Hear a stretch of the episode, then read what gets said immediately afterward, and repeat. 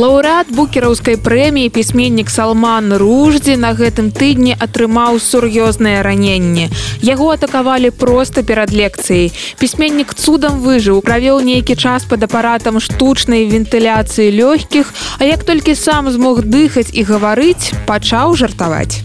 Калі ўжо руждзі пасля ўсяго гэтага жартуе то і мы можемм дазволіць сабе расказваць вам не толькі сур'ёзныя але і пацешныя навіны з усяго свету але пачнем з сур'ёзных На гэтым тыдні пісьменніка лаўрэата букераўскай прэміі па літаратуры брытанцы індыйскага паходжання салмана руждзі сур'ёзна паранілі пісала BBC.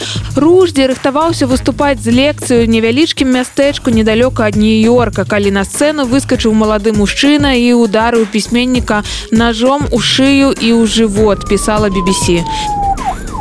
Неўзабаве 24гадовага нападніка дапытаюць і ён здзівіцца даведаўшыся што руждзі выжыў.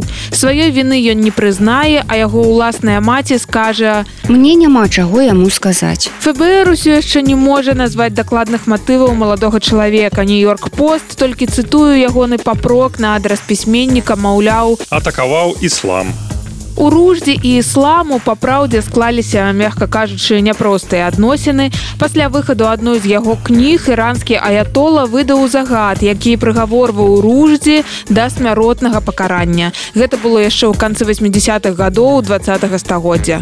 Гэты загад ці фетву пазней адмянілі. Да і нападнік на руждзі ў ЗША адкрыта не кажа што менавіта старая фетва прымусіла яго кінуцца на пісьменніка з ножом. Пытанне ў іншым А ці чытаў гэты чалавек тую самую кнігу за якую на руждзі абрынуўся іранскі аятола? У ФБР мужчына сказаў што прачытаў толькі дзве старонкі сярод мноства высноў якім нас вучыць гэтая гісторыя дачытваеце тэксты до конца А калі пасля чытання рука ўсё яшчэ цягнецца да ножа загарніце кнігу або укладку ў браузере і тэрмінова пераключайцеся на чытанне міжнародных аглядаў ад еўрарадыо у нас заўсёды ёсць для вас і добрыя навіны. Напрыклад паліцэйскія бостона выратавалі вяселля 30гадовы патрыкі Ханна запланавалі прыгожае вяселле на востраве ў цэнтры бостанскай гавані расказвае часопіс правіла жизни але не змаглі прадугледзець што паром на якім жаніх павінен быў прыплысці да нявесты зламаецца. Дыспазіцыя такая. Жаніх яго сябры фатограф дыджэй і кветкі на мацерыку. Нявеста на востраве. Арганізатар вяселля не губляецца і тэлефаную паліцыю Афіцер Джо Мэтьюс заскоквае на службовы катер і імчыць на дапамогу жаніху.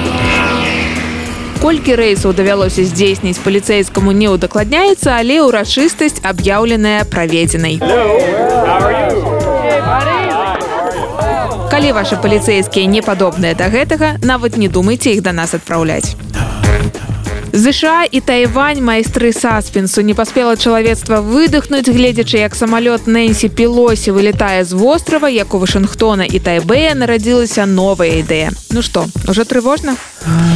Такім чынам ЗША і Тайвань пачынаюць перамовы пра новае інвестыцыйнае пагадненне. Абмяркоўваць будуць як спрасціць гандаль, піша CNN. Чаму гандаль з тайванем раптоўна стаў такой актуальнай тэмай? Таму што рэакцыя Китая на візіт пілосе не абмежавалася паказальнымі вайсковымі вучэннямі на мяжы. Кітай увёў яшчэ і свайго роду эканамічныя санкцыі супраць тайваня. А паколькі пекін галоўны гандлёвы партнёр вострава то наступствы гэтых санкцый могуць быць даволі сур'ёзныя І справа не толькі ў тым, што пасля візіту пылосі КНР прыпыніла імпарт некаторай садавіны і рыбы з Тайваня. Што горш Пекін прыпыніў экспорт прыроднага пяску на Тайвань. Здавалася б невялікая страта нейкі песок. Але пясок ключавы кампанент у вытворчасці паўправадніковых мікрасхем, якія вырабляюць на Тайване. А гэтыя мікрасхемы жыццёва важны элемент практычна для ўсёй сучаснай электронікі. І вось ЗША спяшаюцца на дапамогу, новыя перамовы павышаюць шансы тайваня долучыцца да міжнародных гандлёвых арганізацый што пра гэта думаюць у пекіне даведаемся ў наступных серыях японцы заклікаюць моладзь больш піць каб падтрымаць эканоміку не пераслухваеце вы ўсё зразумелі правільна і гаворка не пра смузе а пра саке піша BBC маладыя японцы п'юць рысавую гарэлку нашмат менш чым іх бацькі і казна пусцее. Вось нацыянальнае падаткавае агенцтва і запусціла агульнанацыянальнае спаборніцтва, каб найлепшыя піярчыкі краіны прыдумалі рэкламную кампанію для алкаголю.